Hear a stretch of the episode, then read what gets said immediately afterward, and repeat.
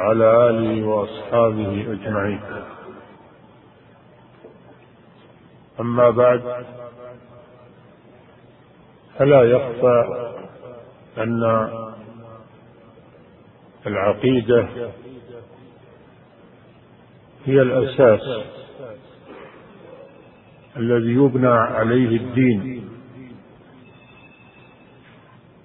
وهي الإيمان بالله وملائكته وكتبه ورسله واليوم الآخر والإيمان بالقدر خيره وشره.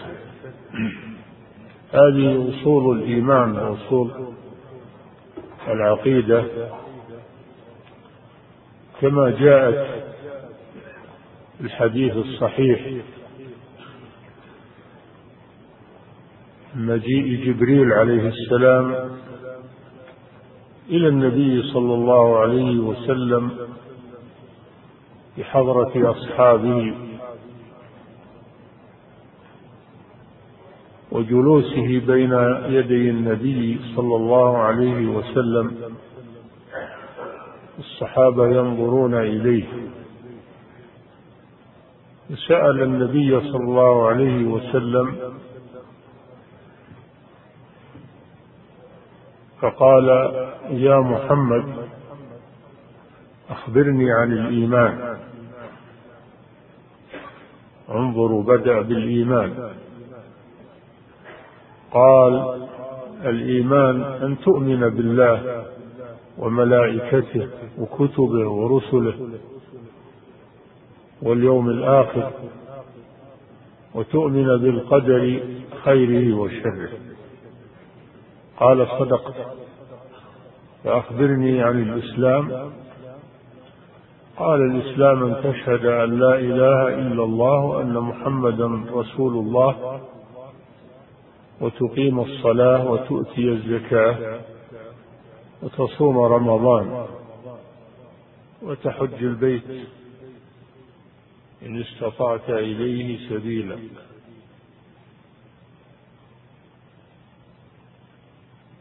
فقال صدقت أخبرني عن عن الإحسان. قال الإحسان أن تعبد الله كأنك تراه. فإن لم تكن تراه فإنه يراك. قال أخبرني عن الساعة. يعني عن قيام الساعة متى؟ قال ما المسؤول عنها بأعلم من السائل؟ أي أنا وأنت لا نعرف ذلك لأن هذا لا يعلمه إلا الله سبحانه وتعالى. لا تعلمه الملائكة ولا الرسل ولا العلماء وإنما هذا من علم الله جل وعلا.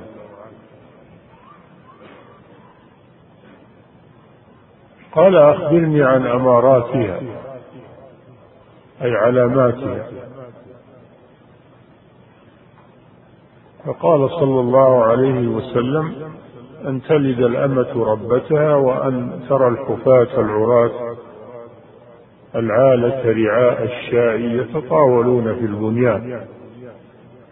هذا من علامات الساعة. وعلامات الساعة كثيرة.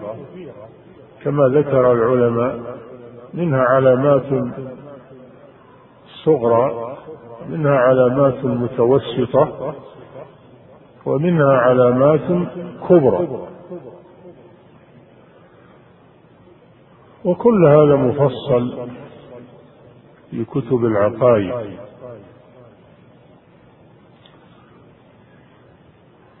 فقام وخرج. فقال النبي صلى الله عليه وسلم أتدرون من السائل؟ قلنا الله ورسوله أعلم. في رواية أنه قال اطلبوه.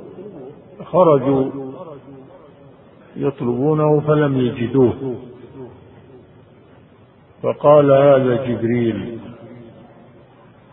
أتاكم يعلمكم دينكم. أي دين الإسلام. وهذه مراتب الدين. ثلاث مراتب مرتبة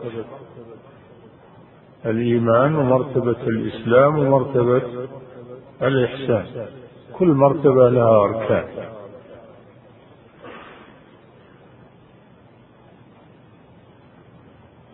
الإسلام والإيمان.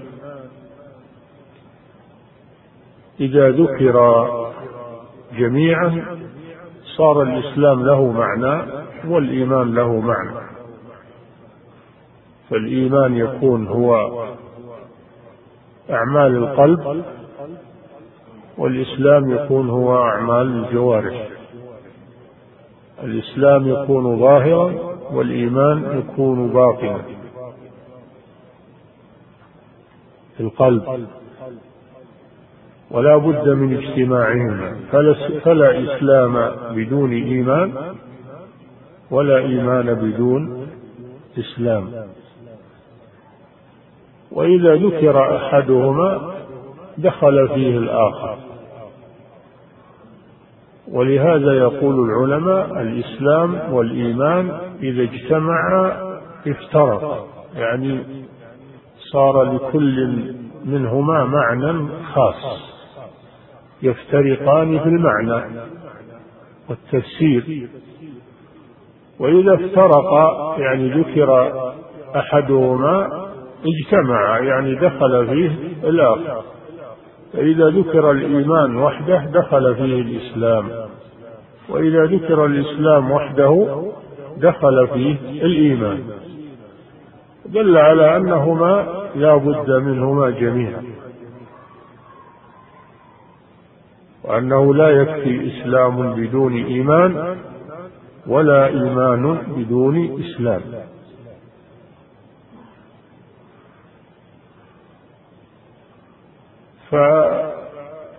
فالإيمان يتكون من هذه الأركان الستة وتسمى أصول الإيمان. وأركان الإيمان. ومن هذه الأركان تتكون العقيدة.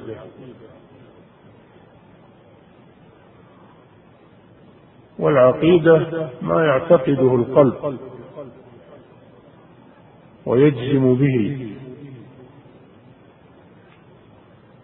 تسمى العقيدة تسمى الإيمان كما كان السلف يسمونه الإيمان.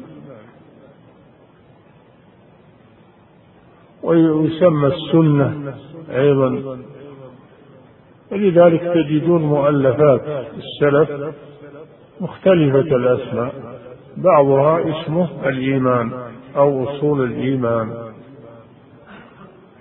وبعضها اسمه السنة مثل كتاب السنة لعبد الله بن الإمام أحمد وكتاب السنة للأثرم وكتاب أصول أهل السنة للالكاء شرح شرح أصول أهل السنة للالكائي يسمونه السنة. ومن العلماء من يسميه الإيمان. أن يسمي العقيدة بالإيمان. ومن العلماء من يسميها العقيدة. ومنهم من يسميها التوحيد. وهي أسماء مختلفة اللفظ لكنها متفقة في المعنى وكل اسم منها مأخوذ من الأدلة. ليست اصطلاحية كما يقول بعضهم. ما هي اصطلاحية وإنما هي مأخوذة من من الأدلة. تسمية مأخوذة من الأدلة.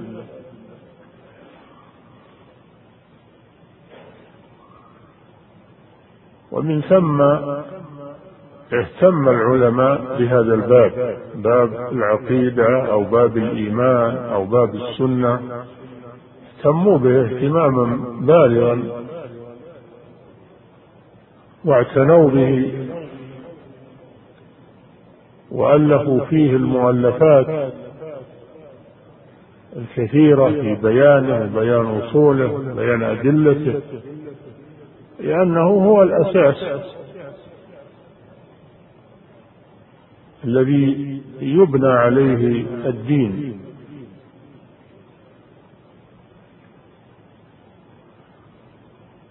ألفوا فيه نثرا ونظما. وجمعوا فيه الأدلة من الكتاب والسنة. وتكونت من ذلك مكتبة عظيمة في العقيدة أو في أو في الإيمان أو في السنة. على اختلاف العصور. وكلها تسير في منهج واحد. ولكن بعضها يوضح بعضا. بعضها مختصر وبعضها مطول. وبعضها نثر وبعضها نظم.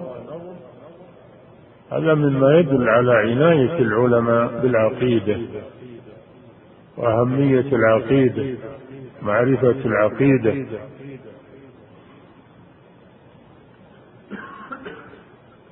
عكس الذين يزهدون في هذا العلم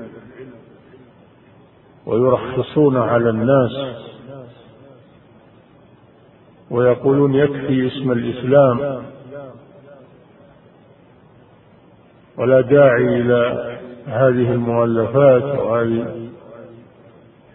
هذا ناشئ إما عن جهل وإما عن وإما عن سوء معتقد وبغض للعقيدة. وغرضهم من ذلك ألا يكون هناك فرق بين مبتدع وسني وبين جهمي ومعتزلي ورافضي وباطني. لا يكون هناك فرق لأن كتب العقيدة الصحيحة تبين العقائد الباطلة وهم لا يريدون هذا. يريدون أن الناس يكونون على حد سواء ويكتفى باسم الإسلام. مع أن الإسلام لا يتحقق ولا يصح إلا إذا صحت العقيدة. إذا لم تصح العقيدة لم يصح الإسلام. والتسمي لا يكفي. التسمي بالإسلام لا يكفي. فلا بد من تحقيق العقيدة تحقيق الإيمان حتى يصح الإسلام. وتكون ويكون التسمي به حقيقيا. أما مجرد التسمي بالإسلام مع تضييع أصول الإسلام وتضييع العقيدة الصحيحة فإنه لا يبقى إسلام.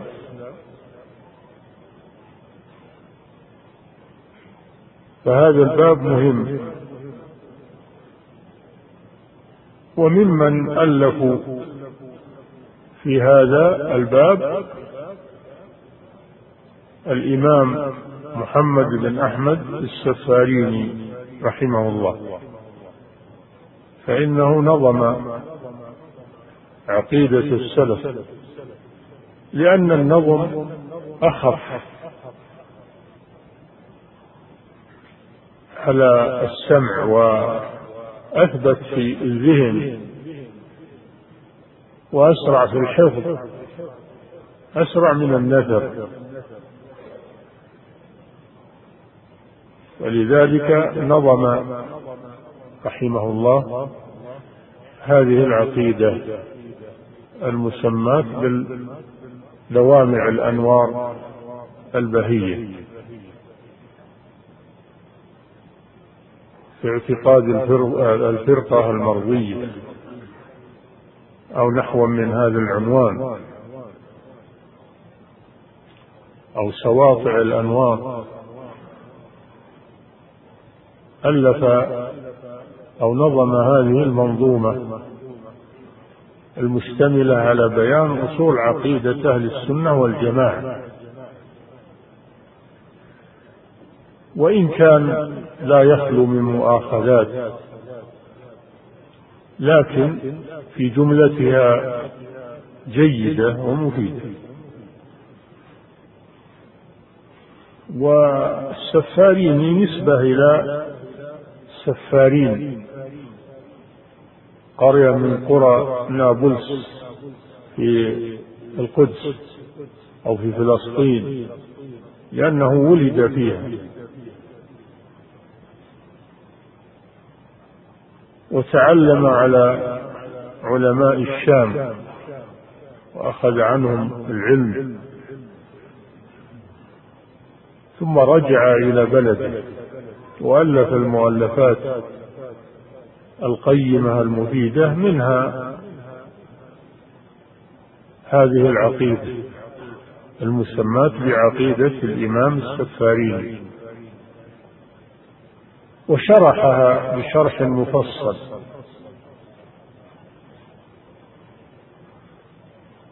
وألف أيضا مؤلفات أخرى منها كشف اللثام. عن عمدة الأحكام في الحديث. قد شرح عمدة الأحكام في الحديث ومنها شرح الثلاثيات ثلاثيات المسند مسند الإمام أحمد وهو مطبوع.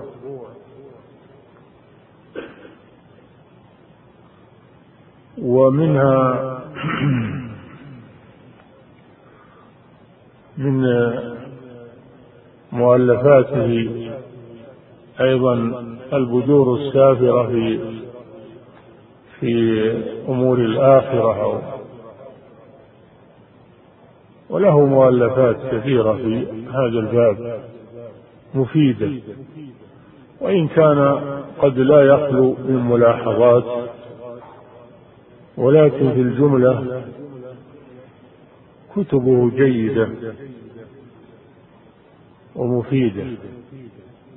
رحمه الله. نعم.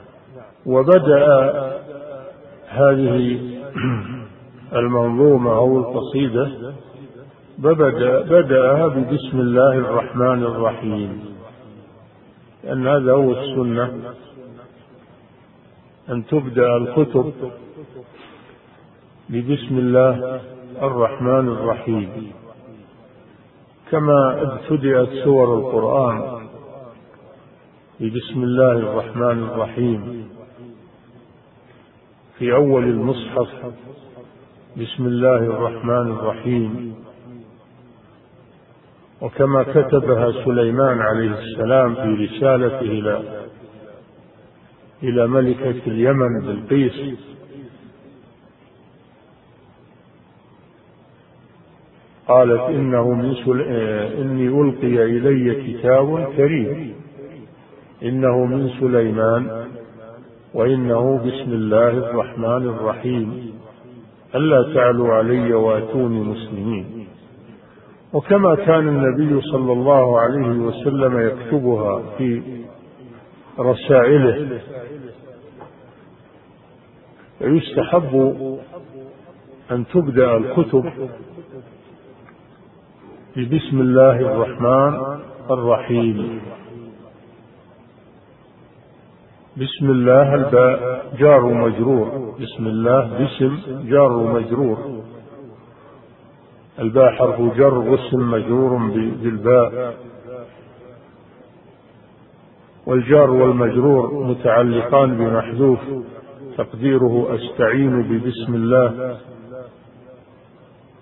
أستعين بسم الله أو أتبرك بسم الله. فقوله بسم الله بركة واستعانة. تبرك بسم الله جل وعلا ويستعين به. واسم مضاف والرحمن والاسم الاسم مأخوذ من السمة وهي العلامة لأن الاسم علامة على المسمى. وقيل مأخوذ من السمو وهو الارتفاع.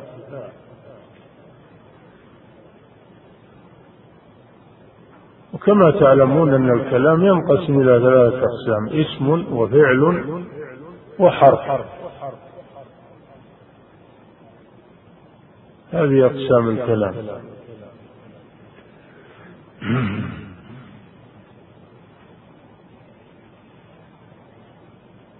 وباسم مضاف والجلالة مضاف إليه. والله علم على الذات الإلهية. ومعناه بالألوهية أي العبودية. من الوله وهو المحبة لأنه سبحانه محبوب. يحبه عباده. ويتألهون له يعني يتعبدون. ومنه الإله أي المعبود. هذا على أنه مشتق بعض العلماء يرى أنه اسم جامد. وهذا الاسم لا يسمى به غير الله جل وعلا. الله لا يسمى به غير الرب سبحانه وتعالى. فلا أحد يتسمى به لا من الكفار ولا من الجبابرة ولا من الطواغيت. ما أحد سمى نفسه الله أبدا. إنما هذا من أسماء الرب سبحانه وتعالى. والرحمن اسم من أسمائه تضمن الرحمة. والرحيم كذلك اسم من اسمائه يتضمن الرحمة. لكن قالوا والرحمن يتضمن الرحمة العامة لجميع المخلوقات وأما الرحيم فيتضمن الرحمة الخاصة بالمؤمنين. كما قال تعالى وكان بالمؤمنين رحيما.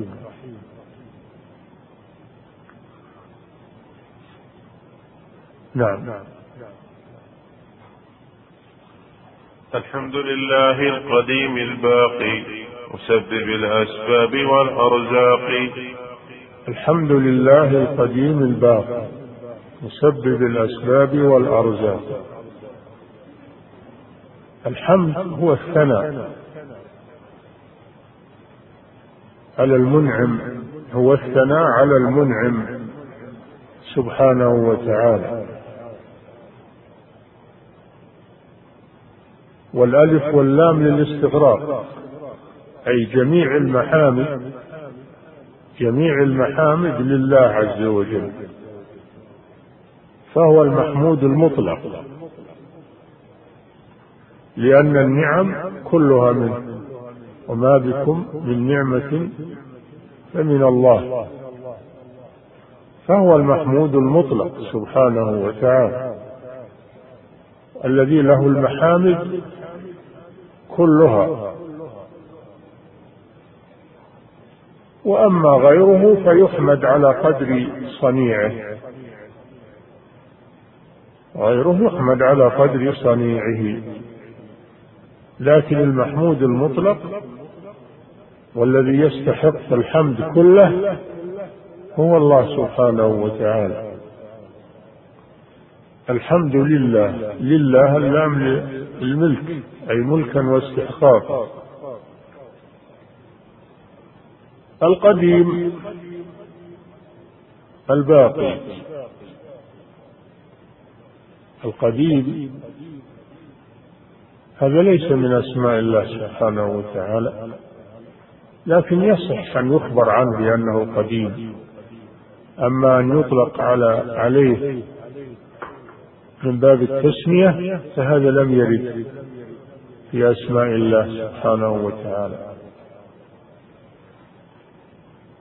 وأيضا ما من قديم إلا وقبله ما هو أقدم منه. فالصواب أن يقال الأول كما سمى نفسه بذلك. هو الأول والآخر والظاهر والباطن.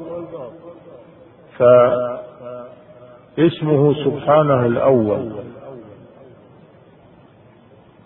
وقال النبي صلى الله عليه وسلم أنت الأول فليس قبلك شيء وأنت الآخر فليس بعدك شيء وأنت الظاهر فليس فوقك شيء وأنت الباطن فليس دونك شيء.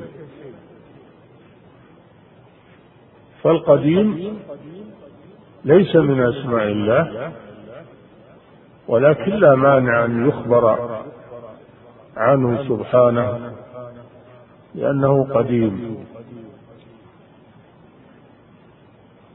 بمعنى الأول. الباقي الذي لا نهاية لبقائه سبحانه وتعالى. ويقابله الآخر. الآخر هذا الذي سمى الله به نفسه. هو الأول والآخر. وقال النبي صلى الله عليه وسلم وأنت الآخر الذي ليس بعدك شيء.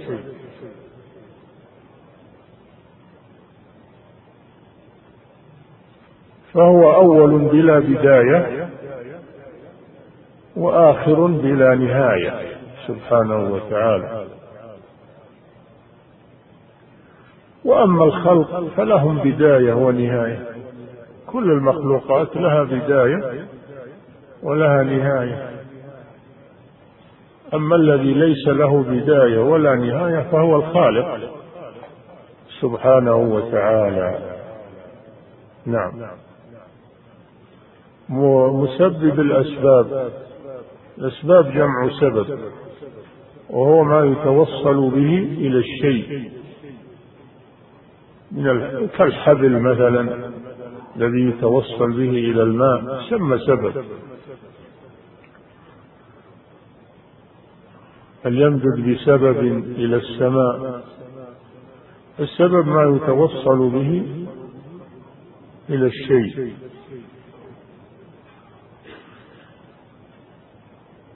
والله جل وعلا هو مسبب الأسباب. أسباب مخلوقة لله. عز وجل. والعبد مأمور باتخاذ الأسباب مع التوكل على الله سبحانه وتعالى. فلا يأخذ بالتوكل ويترك الأسباب ولا يأخذ الأسباب ويترك التوكل. بل لا بد من الجمع بين اتخاذ الأسباب مع التوكل. على الله. فإنه إن شاء نفعت الأسباب وإن شاء لم تنفع. فهو مسبب الأسباب سبحانه وتعالى. ولكن مع هذا أمرنا باتخاذ الأسباب. ولا نقتصر على التوكل على الله سبحانه وتعالى. هذا هو مذهب أهل السنة والجماعة. الله جل, جل وعلا أمرنا باتخاذ الأسباب. قال ولا تلقوا بأيديكم إلى التهلكة. قال خذوا حذركم. قال كلوا واشربوا. هذا من اتخاذ الأسباب. مع التوكل على الله سبحانه وتعالى. فالاعتماد على السبب شرك كما قال العلماء. ونفي السبب قدح في الشرع. فلا بد من الجمع بين الأمرين. وأن تعتقد أن الأسباب وحدها لا تكفي. وأن تعتقد أنه لا بد من اتخاذ الأسباب. لأي شيء تريده. تريد الولد والذرية لابد من التزوج. من أسباب الذرية والإنجاب. تريد الرزق اطلب الرزق. اطلب الرزق للبيع والشراء والحراث أما لو تجلس وتقول المقدر المقدر بيجيل الله نهى عن ذلك. اطلبوا الرزق. فإذا قضيت الصلاة فانتشروا في الأرض وابتغوا من فضل الله ابتغوا من فضل الله. فابتغوا عند الله الرزق واعبدوه. الدنيا والآخرة لا بد من الأسباب. الجنة لا بد من اتخاذ السبب لدخولها بالعمل الصالح. الأسباب لا بد منها في الدنيا والآخرة.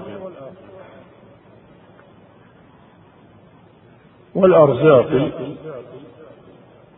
هو الذي جل وعلا يسبب الأرزاق. وهو الرزاق بالقوة المتين. أمن ذا الذي يرزقكم إن أمسك رزقه فالرزق من الله سبحانه وتعالى. هو الرزاق وهو الرازق سبحانه وتعالى. ويطلب الرزق من الله جل وعلا.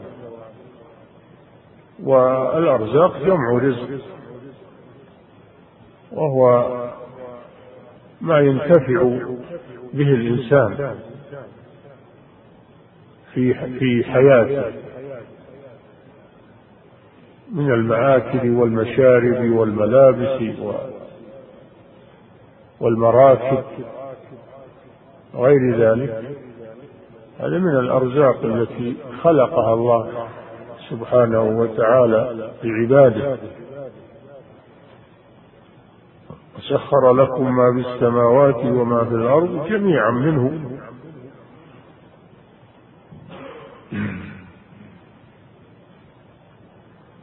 نعم. الحمد لله القديم الباقي مسبب الأرز مسبب الأسباب والأرزاق. حي عليم قادر موجود قامت به الأشياء والوجود. حي حي قدير نعم. حي عليم. حي عليم نعم. قادر موجود. حي عليم قادر موجود. وهذه أربع صفات له سبحانه وتعالى. حي موصوف بالحياة. الكاملة جل وعلا التي لا يعتريها نوم ولا موت ولا زوال الحي الحياة الكاملة. الله لا إله إلا هو الحي القيوم. لا تأخذه سنة ولا نوم. الله جل وعلا لا يعتريه نوم. لأن النوم نقص وموت ولا سنة وهي النوم الخفيف. لأن هذا نقص في الحياة. النوم وفاة وهو الذي يتوفاكم بالليل. يعلم ما جرحتم بالنهار. فالنوم وفاة. والله منزه عن النوم. منزه عن السنة وهي النوم الخفيف. ومنزه عن الموت. الحي الذي لا يموت. سبحانه وتعالى. وحياته ذاتية. سبحانه وتعالى. أما حياة المخلوقين فإنها حياة ممنوحة لهم من الله سبحانه وتعالى. ليست حياة ذاتية وإنما هي حياة ممنوحة لهم من الله. هو الذي يحياهم وهو الذي أعطاهم الحياة وهو الذي يأخذها منهم.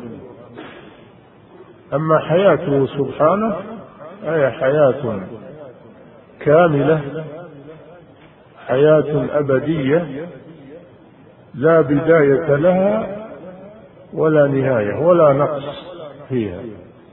ولذلك قال الحي. العليم.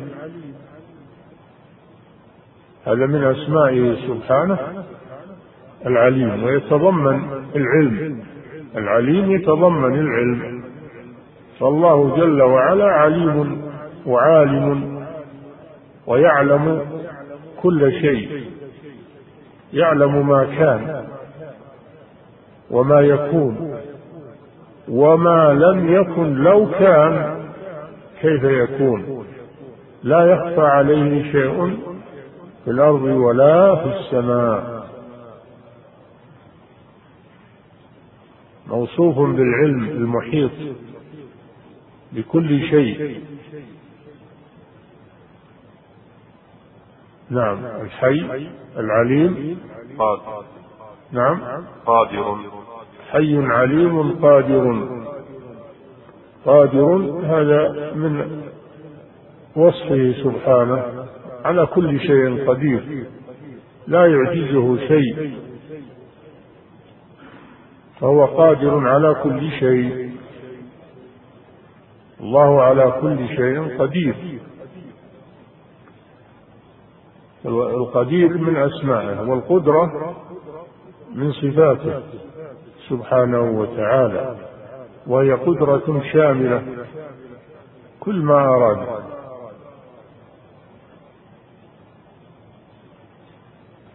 ولا يقال وهو على ما يشاء قدير كما يقوله بعض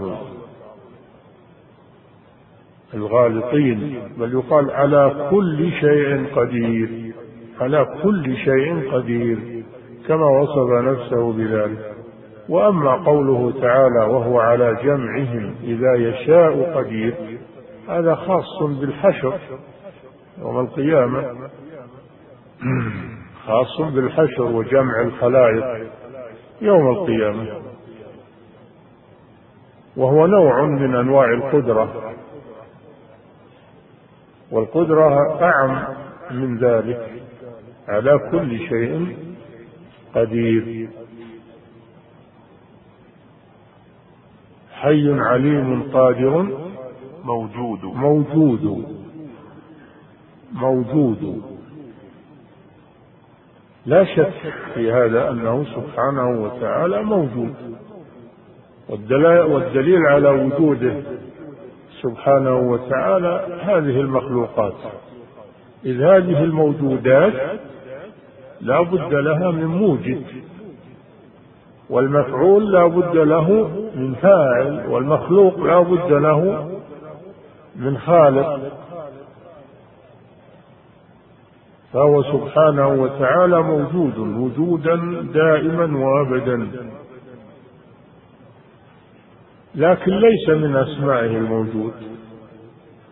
لكن يخبر عنه بأنه انه موجود ووجوده واجب. وجود واجب لأن الوجود ثلاثة أقسام. وجود واجب ووجود ممتنع ووجود جائز. الله جل وعلا له الوجود الواجب. والدليل على وجوده هذه المخلوقات وهذه المصنوعات. تدل على وجوده سبحانه. في هذا رد على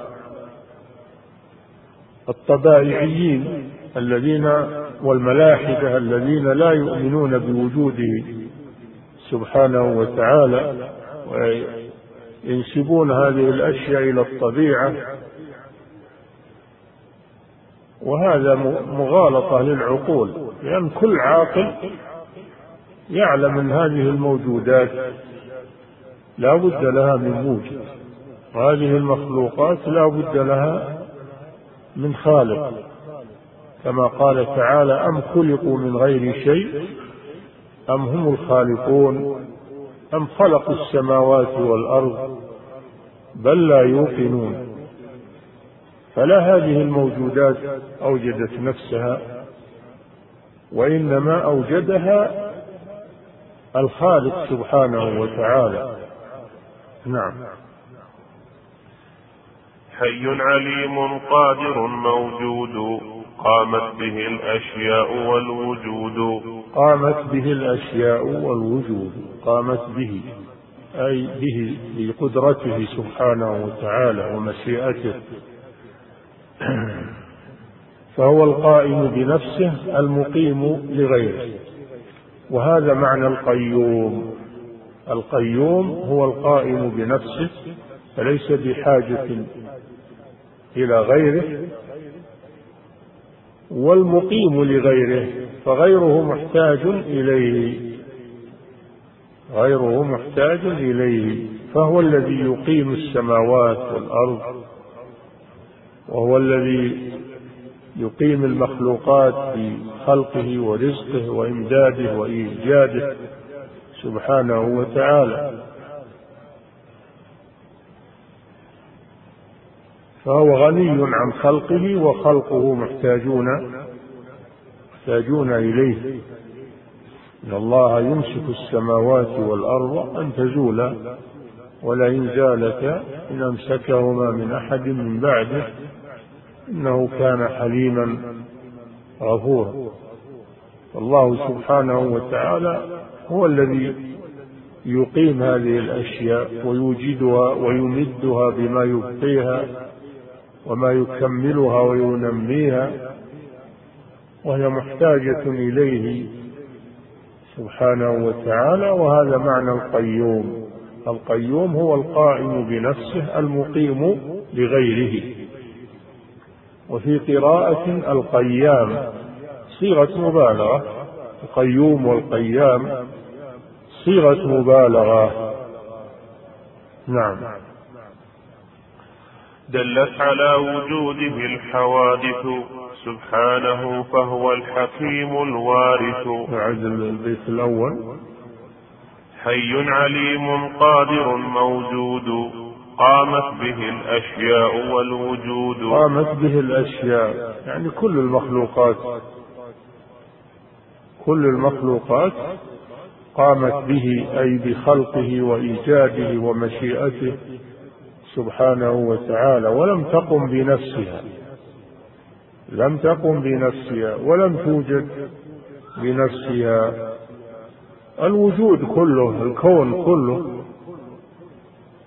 هو الذي أوجده واقامه السماوات والأرض وما فيهن كله هو الذي أوجده سبحانه وتعالى فهو الموجد لهذه الأشياء وحده لا شريك له وهذا لا ينكره أحد حتى المشركون حتى المشركون الذين يعبدون الأصنام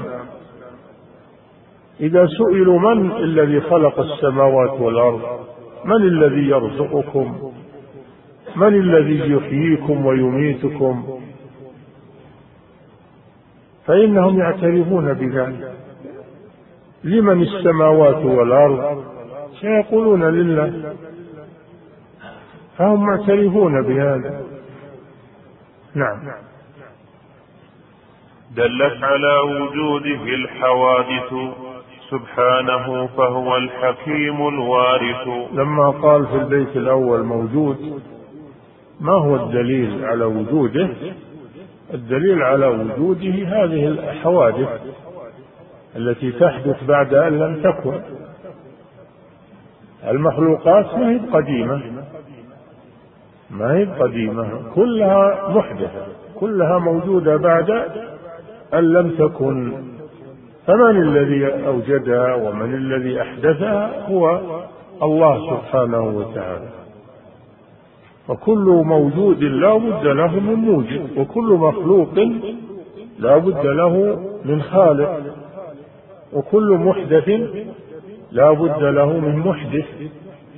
هذا دليل عقلي وبرهان عقلي لا يماري فيه أحد. وليس الدليل على وجوده مجرد الحوادث لكن هذه من جملة الأدلة وإلا البراهين على وجوده سبحانه وتعالى وعلى ربوبيته كثيرة عقلية ونقلية. لكن من جملة الأدلة والبراهين هو وجود هذه المخلوقات فإنها تدل على أن لها موجد أن لها موجدا وخالقا ومدبرا وهو الله سبحانه وتعالى. نعم. دلت دلت على وجوده الحوادث. سبحانه فهو الحكيم الوارث. سبحانه هذا تنزيه له. التسبيح معناه التنزيه. فسبحانه تنزيها له من النقائص تنزيله من النقائص والعيوب. سبحانه. نعم. سبحانه فهو الحكيم الوارث. سبحانه فهو الحكيم. هذا من أسماء الحكيم.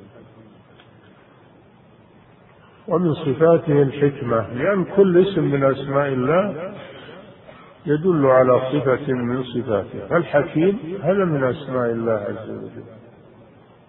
يتضمن الحكمة والحكمة وضع الشيء في موضعه. هذا هو الحكيم الذي يضع الشيء في موضعه. ما. ما ترى في خلق الرحمن من تفاوت. تجد هذه الأشياء محكمة متقنة. كل شيء في موضعه. هذا يدل على حكمة الله جل وعلا. نعم. سبحانه فهو الحكيم الوارث. الوارث. الوارث يعني الباقي بعد فناء المخلوقين. والوارث الذي تؤول إليه الأملاك بعد فناء الملاك. إنا نحن نرث الأرض ومن عليها وإلينا يرجعون.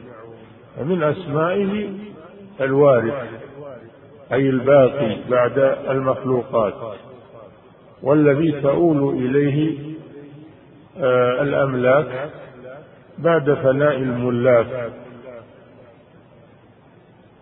وليس الوارث معناه اللي يتملك الأشياء بعد أصحابها مثل المواريث والفرائض لكن الوارث معناه الباقي.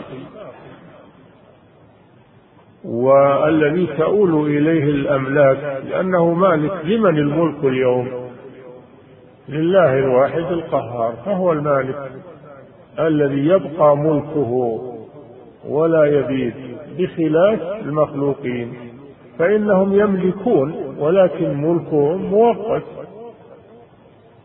ملكهم مؤقت في هذه الدنيا. وفي الآخرة يكون الملك لله جل وعلا. الآخرة ما فيها ملوك. ما فيها ملوك. الملك واحد وهو الله سبحانه وتعالى. لمن الملك اليوم؟ لله الواحد القهار. نعم. ثم الصلاة والسلام سرمدا على النبي. لما فرغ من حمد الله والثناء عليه صلى على النبي صلى الله عليه وسلم. والصلاة على النبي صلى الله عليه وسلم من الله ومن الملائكة ومن المخلوقين. قال تعالى إن الله وملائكته يصلون على النبي. يا أيها الذين آمنوا صلوا عليه وسلموا تسليما. إن الله وملائكته الله يصلي على نبيه والملائكة تصلي على نبيه. وأمر الخلق أن يصلوا ويسلموا على نبيه. الصلاة من الله ثناؤه على عبده ورسوله ثناؤه عليه في الملأ الأعلى. فالله يثني على محمد صلى الله عليه وسلم. والصلاة من الملائكة هي الاستغفار. يستغفرون له. والصلاة من الخلق هي الدعاء يدعون له صلى الله عليه وسلم. والصلاة من الملائكة هي الاستغفار. يستغفرون له. والصلاة من الخلق هي الدعاء يدعون له صلى الله عليه وسلم. لأنه هو الذي أخرجهم الله به من الظلمات إلى النور وهو الذي هداهم الله به إلى إلى الحق فهم يدعون له صلى الله عليه وسلم. فالصلاة من الله الثناء والصلاة من الملائكة الاستغفار. ومن الآدميين الدعاء. ومنه الصلاة على الجنازة يعني الدعاء لها. صل عليهم يدعو لهم.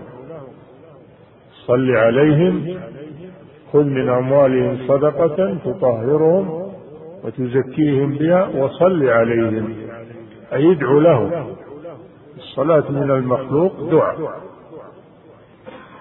مشروع أن نصلي ونسلم عليه كما قال عليه كما قال جل وعلا صلوا عليه وسلموا تسليما فتقول اللهم صل وسلم على محمد هذا هو المطلوب.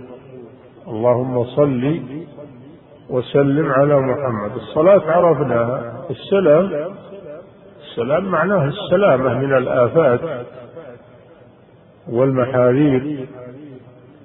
سلمه من كل مكروه ومن كل محذور. هذا معنى السلام.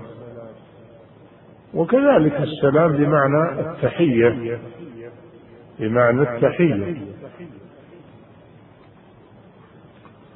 ومن حقه ومن حقوقه صلى الله عليه وسلم على الأمة أن يصلوا ويسلموا عليه. عند ذكره عليه الصلاة والسلام ويصلوا ويسلموا عليه في في الخطب صلوا ويسلموا عليه في الخطب. ويصلوا ويسلموا عليه في الصلاة التشهد الأخير. اللهم صل على محمد على آل محمد كما صليت على إبراهيم وعلى آل إبراهيم. هذا ركن من أركان الصلاة. الصلاة على النبي صلى الله عليه وسلم التشهد الأخير ركن من أركان الصلاة. وقد علم النبي صلى الله عليه وسلم الأمة كيف تصلي عليه في الصلاة. فقال قولوا اللهم صل على محمد وعلى آل محمد كما صليت على آل إبراهيم إنك حميد مجيد وبارك على محمد وعلى آل محمد كما باركت على آل إبراهيم في العالمين إنك حميد مجيد. فلا بد أن تأتي بهذا اللفظ. الذي علمه النبي صلى الله عليه وسلم لأمته في الصلاة. وأما في غير الصلاة فيكفي أن تقول صلى الله عليه وسلم. امتثالا لقوله تعالى صلوا عليه وسلموا تسليما. والفائدة راجعة إليه. الفائدة من صلاتك وتسليمك على الرسول صلى الله عليه وسلم ترجع إليه قال عليه الصلاة والسلام من صلى علي واحدة صلى الله عليه بها عشر. الفائدة راجعة إليك وثوابها يرجع إليك. فلا تحرم نفسك من ذلك. يا أيها الذين آمنوا صلوا عليه سلموا تسليما. فهذا من حقوقه صلى الله عليه وسلم علينا. والإكثار من ذلك إكثار من الصلاة عليه. صلى علي واحدة صلى الله عليه بها عشرة في أي مكان؟ فلا يشترط انك تروح عند القبر وتصلي وتسلم عليه هناك بل صلي وسلم عليه في أي مكان. قال عليه الصلاة والسلام صلوا علي حيث كنتم فإن صلاتكم تبلغني. فتصلي وتسلم عليه في أي مكان. نعم. ثم ثم الصلاة والسلام سرمدا. سرمدا يعني دائما وأبدا. نعم لا تنقطع. نعم. ثم الصلاة والسلام سرمدا. على النبي المصطفى كنز الهدى. على النبي المصطفى. النبي مأخوذ من النبأ وهو الخبر لأنه مخبر عن الله سبحانه وتعالى فهو نبي بالهمز بمعنى مخبر. ويجوز أن يكون النبي من النبوة وهي الارتفاع لرفعة شأنه صلى الله عليه وسلم وعلى هذا يكون بدون همز النبي بالياء على أنه من من النبوة وهي الارتفاع أو من النبوة وهي الارتفاع وأما إذا أريد النبي من من من المخبر فيكون بالهمز النبي. ولهذا يقرأ بعض القراءات النبي بالهمز.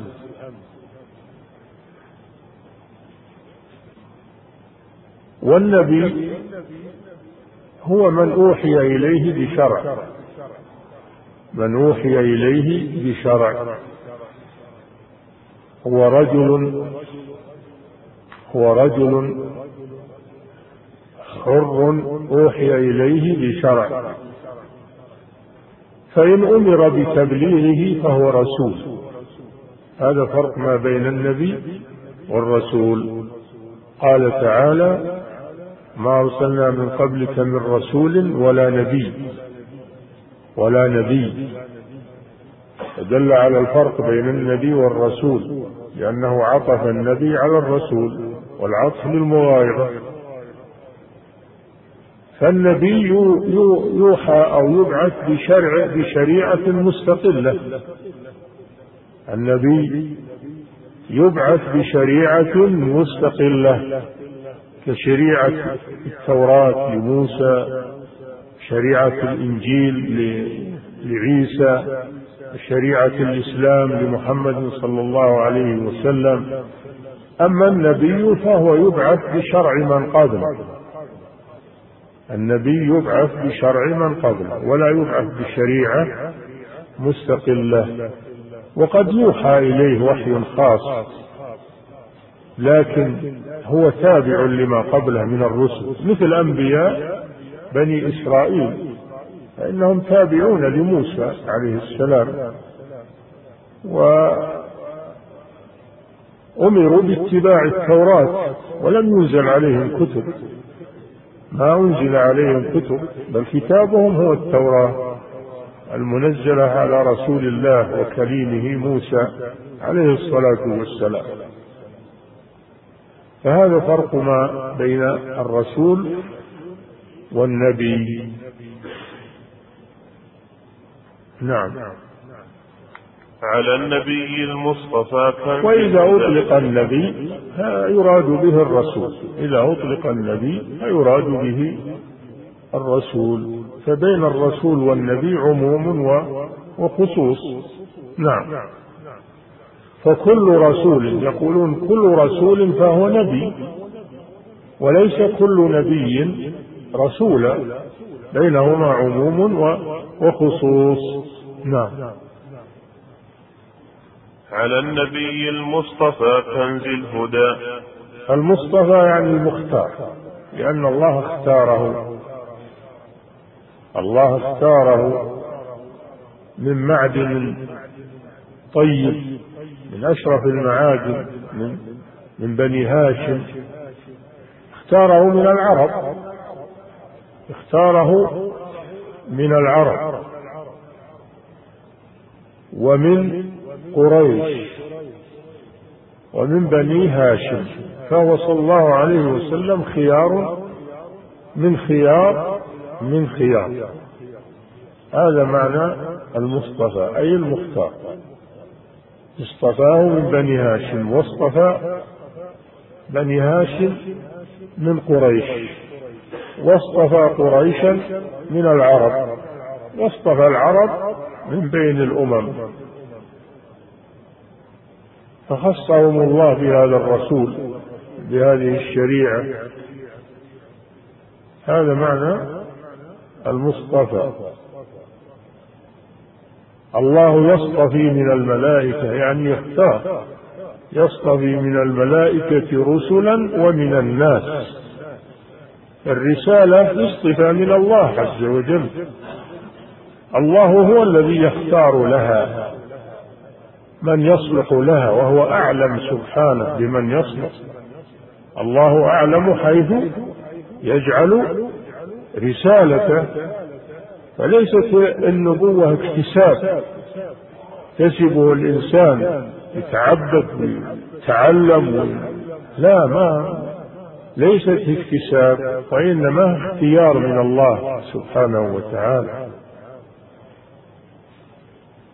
ولهذا لما قالوا لن نؤمن حتى نؤتى مثل ما أوتي رسل الله قال الله جل وعلا الله أعلم حيث يجعل رسالته يقولون نحن مثله حنا بشر وهو بشر. فلماذا يكون هو رسول؟ وحنا ما نكون رسل؟ هذا من المغالطة والاعتراض على الله سبحانه وتعالى. قال الله أعلم حيث يجعل رسالته. ما كل بشر يصلح للرسالة. والله جل وعلا هو الذي يختار للرسالة. فهو المصطفى يعني المختار. نعم. على النبي المصطفى. ما كان صلى الله عليه وسلم يدري أنه سيكون رسولا ولا نبيا ما كان يدري عن ذلك ولا تطلع إليه عليه الصلاة والسلام حتى اختاره الله عز وجل. نعم. على النبي المصطفى كنز الهدى. كنز الهدى. الكنز هو الشيء الثمين. كنز هو الشيء الثمين. فهو كنز. كنز يعني الذهب والفضة. لا. كنز الهدى. الهدى أعز شيء. أعز من الذهب والفضة وأعز من كل شيء. والهدى هو البيان. لأنه صلى الله عليه وسلم يهدي بمعنى يبين ويرشد. لأن الهداية على قسمين هداية بيان وإرشاد وهداية توفيق وإلهام. فهداية البيان والإرشاد هذه يملكها الرسول صلى الله عليه وسلم وإنك لتهدي إلى صراط مستقيم. وأما هداية التوفيق والإلهام والقبول هذه بيد الله. إنك لا تهدي من أحببت ولكن الله يهدي من يشاء. نفى عنه الهداية. بينما أثبتها له في آية أخرى فنقول فرق بين الهدايتين. الهداية المثبتة للرسول هي هداية الدلالة والإرشاد. وأما الهداية المنفية عن الرسول إنك لا تهدي من أحببت فهي هداية التوفيق والقبول هداية القلب. هذه بيد الله سبحانه وتعالى.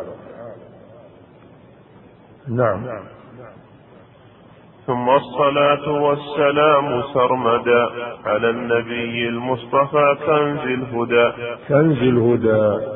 أي معدن الهدى عليه الصلاة والسلام فمصدر الهدى كله من رسالته صلى الله عليه وسلم. فيها الهداية للبشر. فيها الهداية للبشر. ومن ابتغى الهدى من ابتغى الهدى من غير رسالة محمد صلى الله عليه وسلم فهو ضال. بعد بعثته صلى الله عليه وسلم ليس هناك هداية إلا باتباع رسالته صلى الله عليه وسلم. فمن زعم أنه يهتدي ولا يحتاج إلى الرسول صلى الله عليه وسلم كما تقوله الصوفية وغلاة الصوفية هذا ضلال مبين وكفر وردة عن دين الإسلام. لا هداية إلا ما جاء به الرسول صلى الله عليه وسلم. أما الذي يقول أنا أستغني عن الرسول وأنا أعرف الحق ولست بحاجة إلى إلى الرسول هذا كافر بالله عز وجل. نعم. وآله وصحبه الأبرار. وآله وصحبه. الآل أصله الأهل. سهلت الهمزة صارت آل.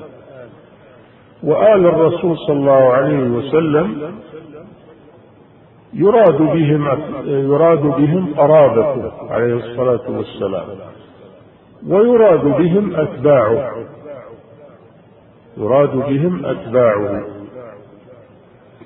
والمراد هنا المراد هنا أتباع الرسول صلى الله عليه وسلم سواء كانوا من قرابته أو من غيره يقال لهم آل الرسول. كما قال تعالى أدخلوا آل فرعون أشد العذاب. آل فرعون يعني أتباع فرعون. فالآل يطلق على الأتباع ويطلق على القرابة. ففي باب الزكاة يراد بآل محمد قرابة لا تحل لهم الزكاة. إن الزكاة لا تحل لمحمد ولا لآل محمد يعني قرابة محمد صلى الله عليه وسلم. أما في باب الدعاء والصلاة فالآل يعم أتباعه صلى الله عليه وسلم. نعم. ولهذا يقول الشاعر آل النبي أصحاب ملته.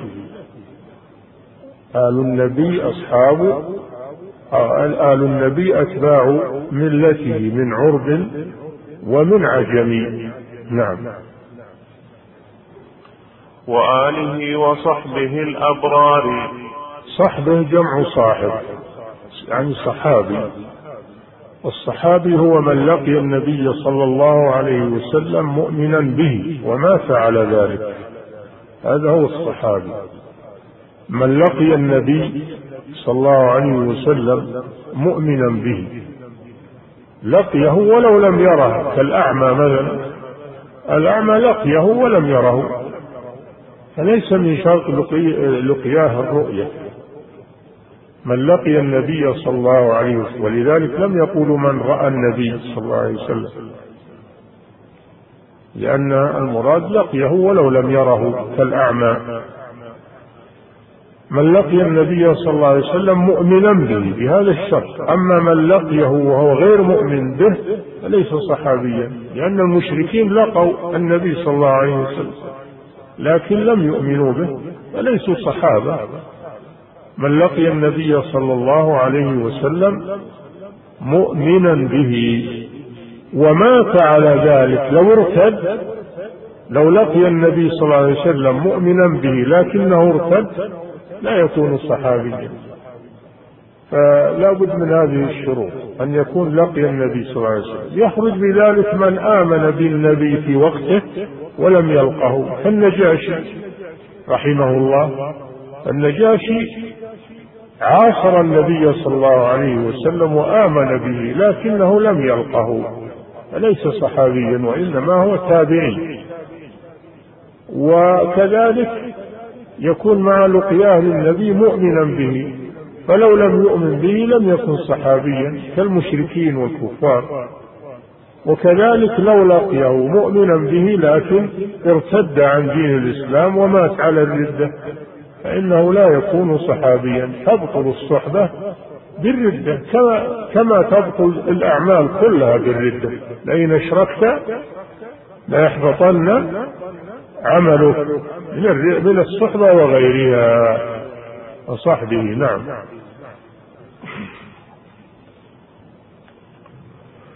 ترانا ما نسمح يوزع نشرات ولا أشرطة في المسجد؟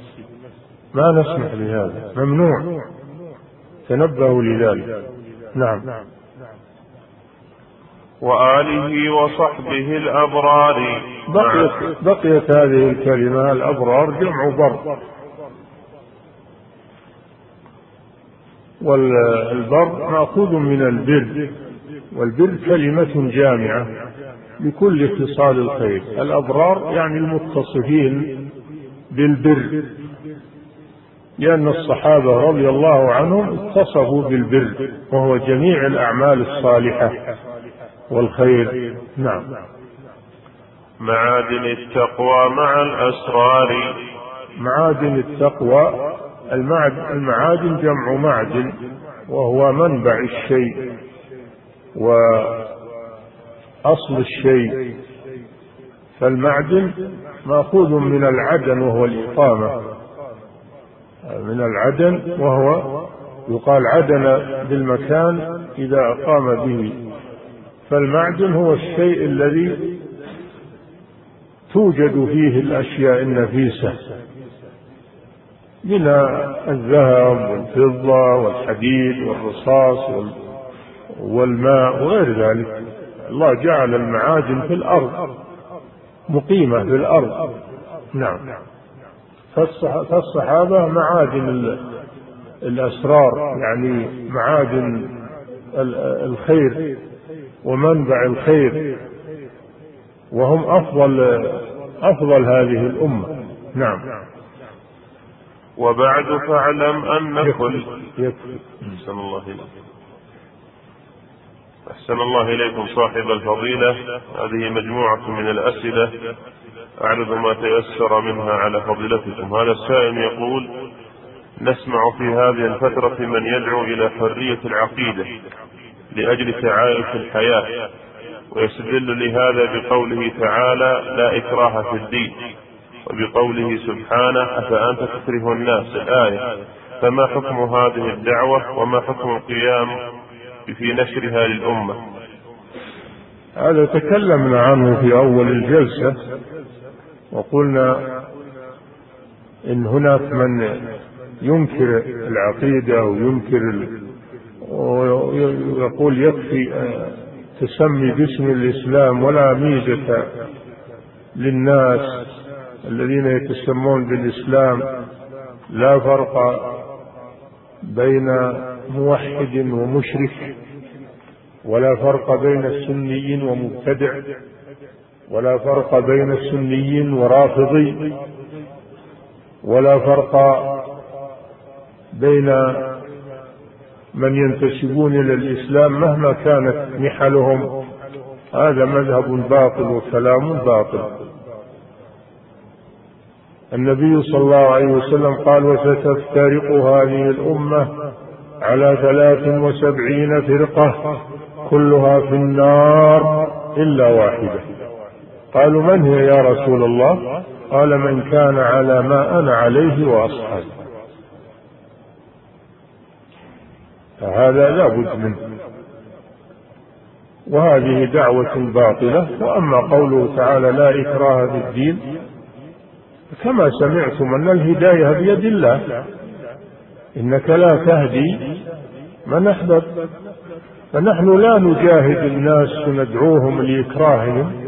على الدين لأن دخول الإيمان في القلب هذا لا يقدر عليه إلا الله سبحانه وتعالى. لكن نحن مأمورون بالجهاد مأمورون بالدعوة وأما هداية الناس وإدخال الإيمان في قلوبهم فهذا لا نملكه إنما يملكه الله جل وعلا.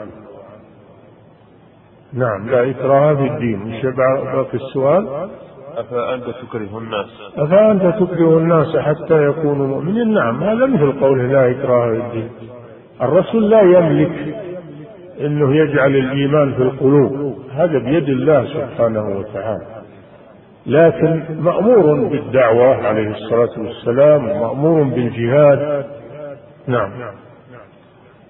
أحسن الله إليكم صاحب الفضيلة. وهذا السائل يقول ما هو الفرق بين الاسم والصفة في حق الله تعالى؟ الاسم ما يدعى به سبحانه وتعالى وما يدل على ذاته سبحانه وتعالى وأما الصفة فهي مضمون ذلك الاسم مضمونه وما يدل عليه. فالأصل الاسم والصفة فرع عنه. نعم. أحسن الله إليكم صاحب الفضيلة وهذا السائل يقول القديم أليس ورد في حديث أعوذ بالله العظيم وبسلطانه القديم؟ فلماذا يخبر عن الله بذلك؟ سلطانه القديم سلطانه ما قال الله القديم قال سلطانه هذا وصف للسلطان. نعم وملك الله جل وعلا. مع الحديث فيه مقال أيضا الحديث فيه مقال. لكن الوصف ليس لله وإنما هو لسلطانه سبحانه وتعالى. نعم. أحسن الله إليكم صاحب الفضيلة وهذا السائل يقول هل الباقي من صفات الله أم من أسمائه؟ أم هو باقي في باب الأخبار؟ الباقي من أسمائه والبقاء صفته. الباقي اسمه والبقاء صفته سبحانه. نعم. أحسن الله إليكم صاحب الفضيلة وهذا السائل يقول لقد ذكر عنكم تحريم البطاقة الهاتفية مسبوقة في الدفع المسمات بسوى فإن كان هذا ثابتا عنكم فما علة التحريم؟ نعم. أنا أقول أنها لا تجوز لأنها محددة. إذا مضت المدة وأنت ما استعملتها تضيع عليك يروح مالك. وهذا من باب الإجارة هم أجروك في الهاتف تكلم به. والإجارة لا تحدد. الإجارة لا تحدد. الإجارة التي تحدد هي الإجارة على على العين. أما الإجارة على الاستعمال هذه لا تحدد. فهم أخذوا مالك فلك أن تنتفع حتى تستنفذ هذه الأجرة. بأي شيء يستحلون مالك؟ الإجرة الخاصة العامة لا يجمع فيها بين المدة وبين الإيجار بل تكون مطلقة. فأنت لو جيت عند غسال وأعطيته ثيابك الثوب بريال. وقلت له بشرط. إنك تغسله خلال ثلاثة أيام أو تخيط ثوبه خلال ثلاثة أيام. فإما فإن خدته بعد ثلاثة أو غسلته بعد ثلاثة فليس لك شيء. نقول هذا باطل. هذا باطل. الإجارة العامة ما تحدد. نعم. الأجير الخاص هو الذي يحدد يشتغل عندك يوم يومين يبني لك أما أجرة عامة واحد جالس يخيط الثياب أو يغسل الثياب فهذه لا تحدد مدتها. نعم. لأن المطلوب هو العمل فقط. نعم. أحسن الله إليكم صاحب الفضيلة. هذا السائل يقول ما يعني مثلا لو اغسله عقب ثلاثة أيام مثل حدد له ثلاثة أيام لو اغسله أو خاطب يروح عمله؟ ما يروح. نعم. أحسن الله إليكم صاحب الفضيلة. هذا السائل يقول ما رأي فضيلتكم في قولهم عن الشخص الواحد أنه الإمام الأوحد؟ لا بأس بذلك. يعني أنه متميز عن غيره. متميز. الأوحد يعني متميز عن غيره. نعم. أحسن الله إليكم صاحب الفضيلة. وهذا سائل يقول وسائل يقول هل الله موجود؟ أو كيف نقول أن الله موجود مع قولنا أن كل موجود فإن له موجد؟ الوجود عرفتم انه على قسمين وجود واجب وهو وجود الله جل وعلا ووجود جائز وهو وجود المخلوقات وجود المخلوقات. نعم. فالمخلوقات وجودها وجود جواز أو وجوب. نعم. أحسن الله إليكم صاحب الفضيلة وهذا السائل يقول ما قولكم في من يقول شاءت قدرة الله أو يقول شاءت الأقدار؟ لا يجوز هذا ما يجوز إسناد الفعل إلى الصفة يقال شاء الله أو قدر الله أما أنه يقال شاءت إرادة الله هذا التعبير غير صحيح. لأن معناه كأن الصفة صارت غير الله جل وعلا شيء آخر. نعم. أحسن الله إليكم صاحب الفضيلة. وهذا السائل يقول ما حكم جعل القباب في أسطح المساجد؟ وما المراد؟ وما المراد بالنهي يقول عفى الله عنك. ما حكم جعل القباب في أسطح المساجد؟ القباب إيه القباب يا أخي هذا فن معماري ما في بأس. وقد يكون من مصلحة المسجد أنه يجعل على شكل مقبب لأن هذا أبرد أحسن للبرودة أو أصفى للصوت هذه مسألة فنية ما ما فيها شيء. ما فيها شيء جعل قباب في المساجد. الممنوع جعل القباب على القبور. فالبناء على القبور محرم ولو لم يجعل عليها قباب لكن لما كان من عادتهم يجعلون عليها قباب صار الناس يحذرون من هذا بناء القباب على القبور. نعم. أحسن الله إليكم صاحب الفضيلة وهذا سائل يقول ذكرتم أنواع الوجود وهي ثلاثة واجب وممتنع وجائز والمراد أن تذكر لنا أمثلة على ذلك. الواجب وجود الله جل وعلا والممتنع وجود شريك لله عز وجل. هذا ممتنع. أو وجود شبيه لله عز وجل. هذا ممتنع. والجائز وجود المخلوقات. نعم. أحسن الله إليكم صاحب الفضيلة. وهذا سائل يقول ما حكم الصلاة مع وجود النقود في الثوب أو البطاقات أو الأشياء التي فيها صور؟ وإذا كان جائز هل يستحب إبعاد هذه الأشياء أثناء الصلاة؟ إذا جعلتها في جيبك وأخفيتها فلا حرج في ذلك لأجل الضرورة إن كان تبي تضع الفلوس على باب المسجد لما تطلع مع النعال هذا إليك هذا إليك لكنها تؤخذ ما ينبغي هذا التشدد وهذا هذه الضرورات إذا احتاج إليها الإنسان تغتفر لكن يخفيها. نعم. أحسن الله إليكم صاحب الفضيلة. وهذا سؤال أورد سائله أنه مشكل عليه وهو قوله هل مذهب السلف الصالح في نصوص الصفات أنهم إذا أشكلت عليهم النصوص يفوضون المعنى أم يقولون إن للمعاني حقيقة والله أعلم بكيفية الصفة؟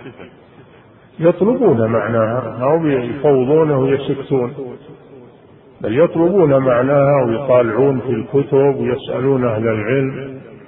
ولا يفوضون يبقون لأن معناها واضح يعرفها أهل العلم وهو موجود في الكتب. فتبحث عنه. نعم.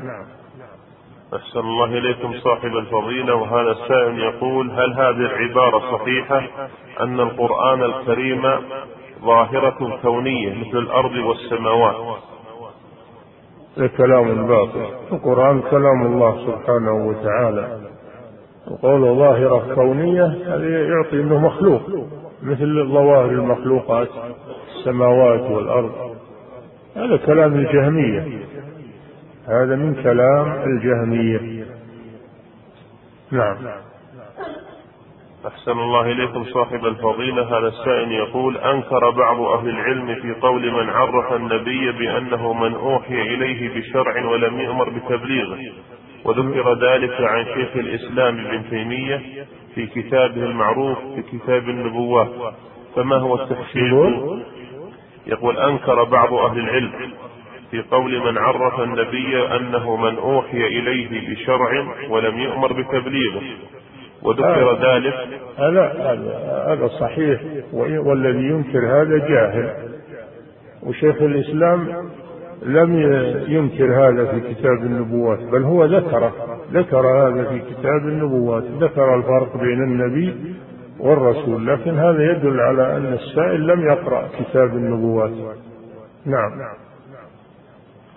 أحسن الله إليكم صاحب الفضيلة. هذا السائل يقول من لقي النبي صلى الله عليه وسلم وكان كافرا ثم أسلم بعد موته صلى الله عليه وسلم هل يعد من الصحابة أم من التابعين؟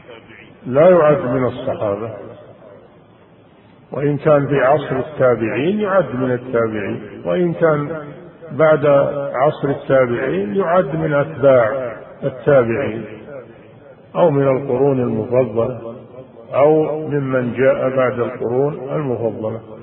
أما الصحبة فلا تثبت إلا لمن أدرك النبي صلى الله عليه وسلم مؤمنا به لقيه مؤمنا به. نعم. أحسن الله إليكم صاحب الفضيلة. هذا السائل يقول والدتي جزاها الله خيرا محافظة على الصلاة في أوقاتها وتحب الخير لأولادها. وللمحتاجين وأنا أحبها وأتمنى لها كل خير. ولكنها لا تحسن ما تقول في الركوع والسجود والتشهد وعندها لحن في الفاتحة يبطل المعنى وهي تحفظ شيئا من الشعر والحكم. وتقول أنا لا أعرف ويكفي أن المشايخ يقولون من لا يعرف يكفيه التسبيح وأولادها ليس لديهم مانع في تعليمه. آمل منكم حثها على ذلك وحثنا على ما ينفعها. نعم إن كانت تقبل التعليم وتستفيد تفهم إذا علمت يجب عليكم تعليمها ولا يجوز لها أن تصلي إلا بعد أن تتعلم الفاتحة على الأقل. الفاتحة لا بد منها ولا تصح صلاتها إلا بها. أما إذا كانت لا تقبل التعليم بمعنى إن ما تفهم التعليم ولو علمت ما تفهم ولا تدرك. هذه تصلي على حسب حالها. قوله تعالى فاتقوا الله ما استطعتم. نعم. أحسن الله إليكم صاحب الفضيلة. هذا السائل يقول بعض أئمة المساجد إذا انتهى من قراءة كتاب بعد فرض من الفروض قال والله الموفق بفتح الفاء. فهل هذا القول صحيح؟ ما أظن هنا إمام اللي بيقول الكلام هذا. الموفق. الله الموفق. إن كان يقوله بعض الناس فإنه ينبه على هذا. إن هذا خطأ. نعم. أحسن الله إليكم صاحب الفضيلة. هذا السائل يقول من لقي النبي صلى الله عليه وسلم وآمن به ثم ارتد ثم آمن هل يطلق عليه صحابي؟ خلاف خلاف بين العلماء. بعضهم يقول إنه تبطل صحبته ولو تاب قبل الموت كما عند الحنابلة وغيرهم قول الثاني أنه إذا تاب قبل أن يموت رجعت إليه الصحبة كما هو قول الشافعية. ولهذا يقول ابن حجر في النخبة الصحابي من لقي النبي صلى الله عليه وسلم مؤمنا به ومات على ذلك ولو تخللت ردة في الأصح.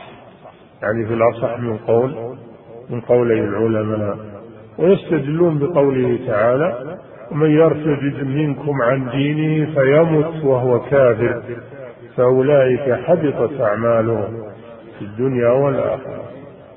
فعلق سبحانه حبوط الأعمال على أنه يرتد ويموت وهو كافر فدل على أنه لو ارتد وتاب ومات وهو مسلم رجعت إليه الصحبة وهذا هو الصحيح إن شاء الله. أنه إذا تاب قبل أن يموت رجع إليه فضل الصحبة.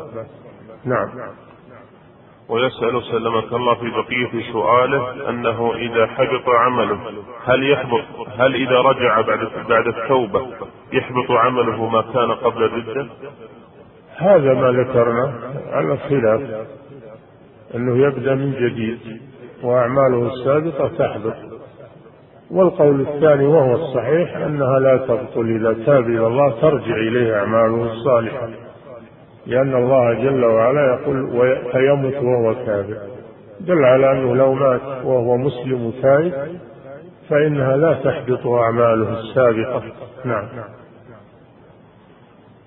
أحسن الله إليكم صاحب الفضيلة وهذا السائل يقول ما الحكم في من يمدح الله ويثني عليه بقوله كتبت لك البقاء ما دمت حيا قديما باقيا فالكل فاني هذه ثرثرة لا لا أصل لها والمتكلم بهذا يظهر أنه جاهل. نعم.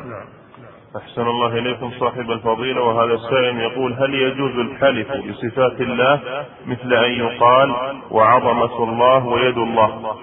نعم يجوز الحلف بالله أو بصفة من صفاته سبحانه. لا لا بأس بذلك. وحياة الله وقدرة الله ووجه الله لا بأس بذلك. نعم. أحسن الله إليكم صاحب الفضيلة وهذا السؤال يقول لقد كثر في هذه الأيام القائلين القائلون بهذه المقولة وحدة الصف لا وحدة العقيدة يقولونها في مواجهة العدو الأكبر من اليهود وغيرهم فهل هذا القول صحيح؟ هذا تناقض لأنه لا يمكن يتحد الصف إلا إذا اتحدت العقيدة أما مع اختلاف العقيدة فلا يتوحد الصف هذا محال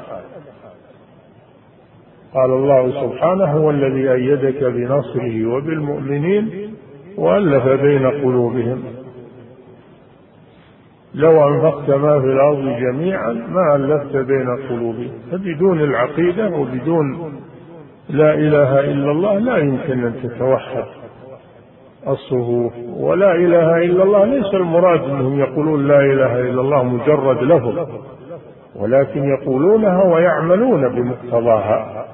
فيخلصون العبادة لله عز وجل ويتركون الشرك ويتبعون الكتاب والسنة. ما يمكن أن تتوحد الصفوف إلا إذا توحدت العقيدة. أما إذا اختلت العقيدة فالصفوف تتناقض وتختلف. نعم. انتهى. والله تعالى أعلم وصلى الله وسلم على نبينا محمد وعلى آله وصحبه. بسم الله الرحمن الرحيم. الحمد لله رب العالمين وصلى الله وسلم على عبده ورسوله نبينا محمد وعلى آله وأصحابه أجمعين. قال الناظم رحمه الله تعالى وبعد فاعلم أن كل العلم كالفرع للتوحيد فاسمع نظمي. بسم الله الرحمن الرحيم. الحمد لله والصلاة والسلام على عبده ورسوله نبينا محمد وعلى آله وصحبه. لما فرغ الناظم رحمه الله من المقدمة المشتملة على حمد الله والصلاة والسلام على رسول الله وعلى آله وأصحابه. دخل في الموضوع الذي من أجله نظم هذه الأرجوزة فقال و وبعد بعد هذه كلمة مقطوعة عن الإضافة وأصلها بعد ذلك أي بعد ما تقدم. فحذف المضاف إليه وبني المضاف على الضم من غير تنوين. وبعد نعم وبعد؟ وبعد فاعلم أن كل العلم وبعد فاعلم كلمة فاعلم هذه كلمة يؤتى بها للاهتمام. للاهتمام بما سيلقى. قال تعالى فاعلم أنه لا إله إلا الله. استغفر لذنبك وللمؤمنين والمؤمنات. اعلموا أن الله شديد العقاب وأن الله غفور رحيم.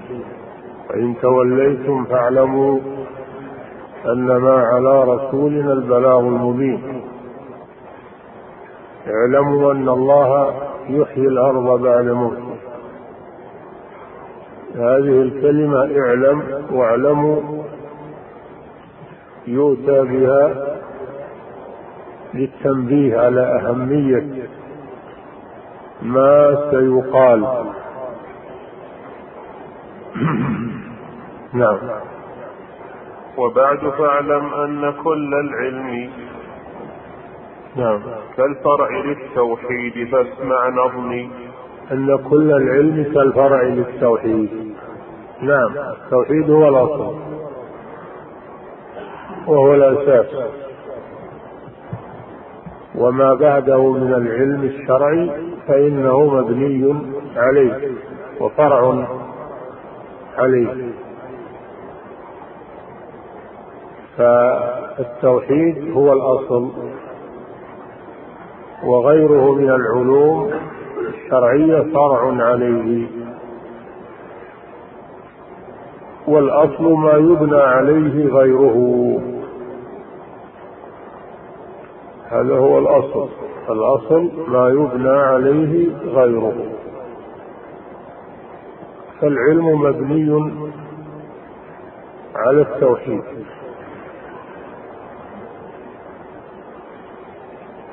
ولذلك جاءت جاء الركن الأول من أركان الإسلام شهادة لا إله إلا الله وأن محمدا رسول الله.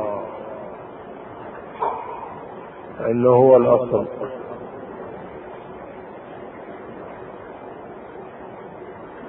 وقال تعالى واعبدوا الله ولا تشركوا به شيئا. قضى ربك ألا تعبدوا إلا إياه وبالوالدين إحسانا. أول ما يذكر حقه تعالى وهو عبادته وحده لا شريك له. والتوحيد مأخوذ من وحد إذا جعل الشيء واحدا. إذا جعل الشيء واحدا. والمراد به هنا إفراد الله جل وعلا بالعبادة هذا هو التوحيد. إفراد الله تعالى بالعبادة. وهو ثلاثة أنواع. توحيد الربوبية وهو إفراد الله تعالى بأفعاله كخلق السماوات والأرض وتدبير الكون وسائر أفعاله سبحانه وتعالى. فإفراده بذلك يسمى توحيد الربوبية. النوع الثاني توحيد الألوهية وهو إفراده تعالى بأفعال العباد التي شرعها لهم من أنواع القربات والطاعات فيجب أن تصرف جميع أنواع العبادة له سبحانه خاصة دون غيره ولا يجعل منها شيء لغير الله عز وجل. جميع العبادة لله.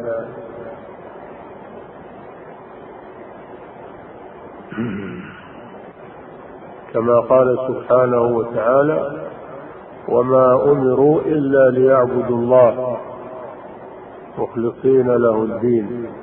وما خلقت الجن والإنس إلا ليعبدون.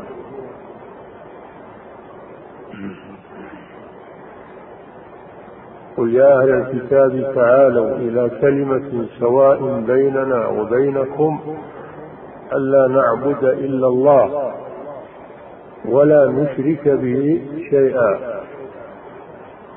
واعبدوا الله ولا تشركوا به شيئا. وقضى ربك ألا تعبدوا إلا إياه. هذا توحيد الألوهية. إفراد الله تعالى بجميع أنواع العبادة التي شرعها لهم. سواء كانت عبادة قولية أو فعلية أو كانت قلبية. لأن العبادات تكون على اللسان في الذكر والتسبيح والتهليل والدعاء وغير ذلك وتكون بالقلب كالخوف والخشية والرغبة والرهبة. وتكون بالأفعال كالصلاة والصيام والحج والجهاد صلة الأرحام وغير ذلك. العبادة اسم جامع لكل ما يحبه الله ويرضاه من الأعمال والأقوال. الظاهرة الظاهرة على اللسان والجوارح والباطنة في القلب كلها لله سبحانه وتعالى. هذا هو توحيد الألوهية. والثالث توحيد الأسماء والصفات. وذلك بأن يثبت لله ما أثبته لنفسه من الأسماء والصفات أو أثبته له رسوله صلى الله عليه وسلم من الأسماء والصفات من غير تحريف ولا تعطيل ومن غير تكييف ولا تمثيل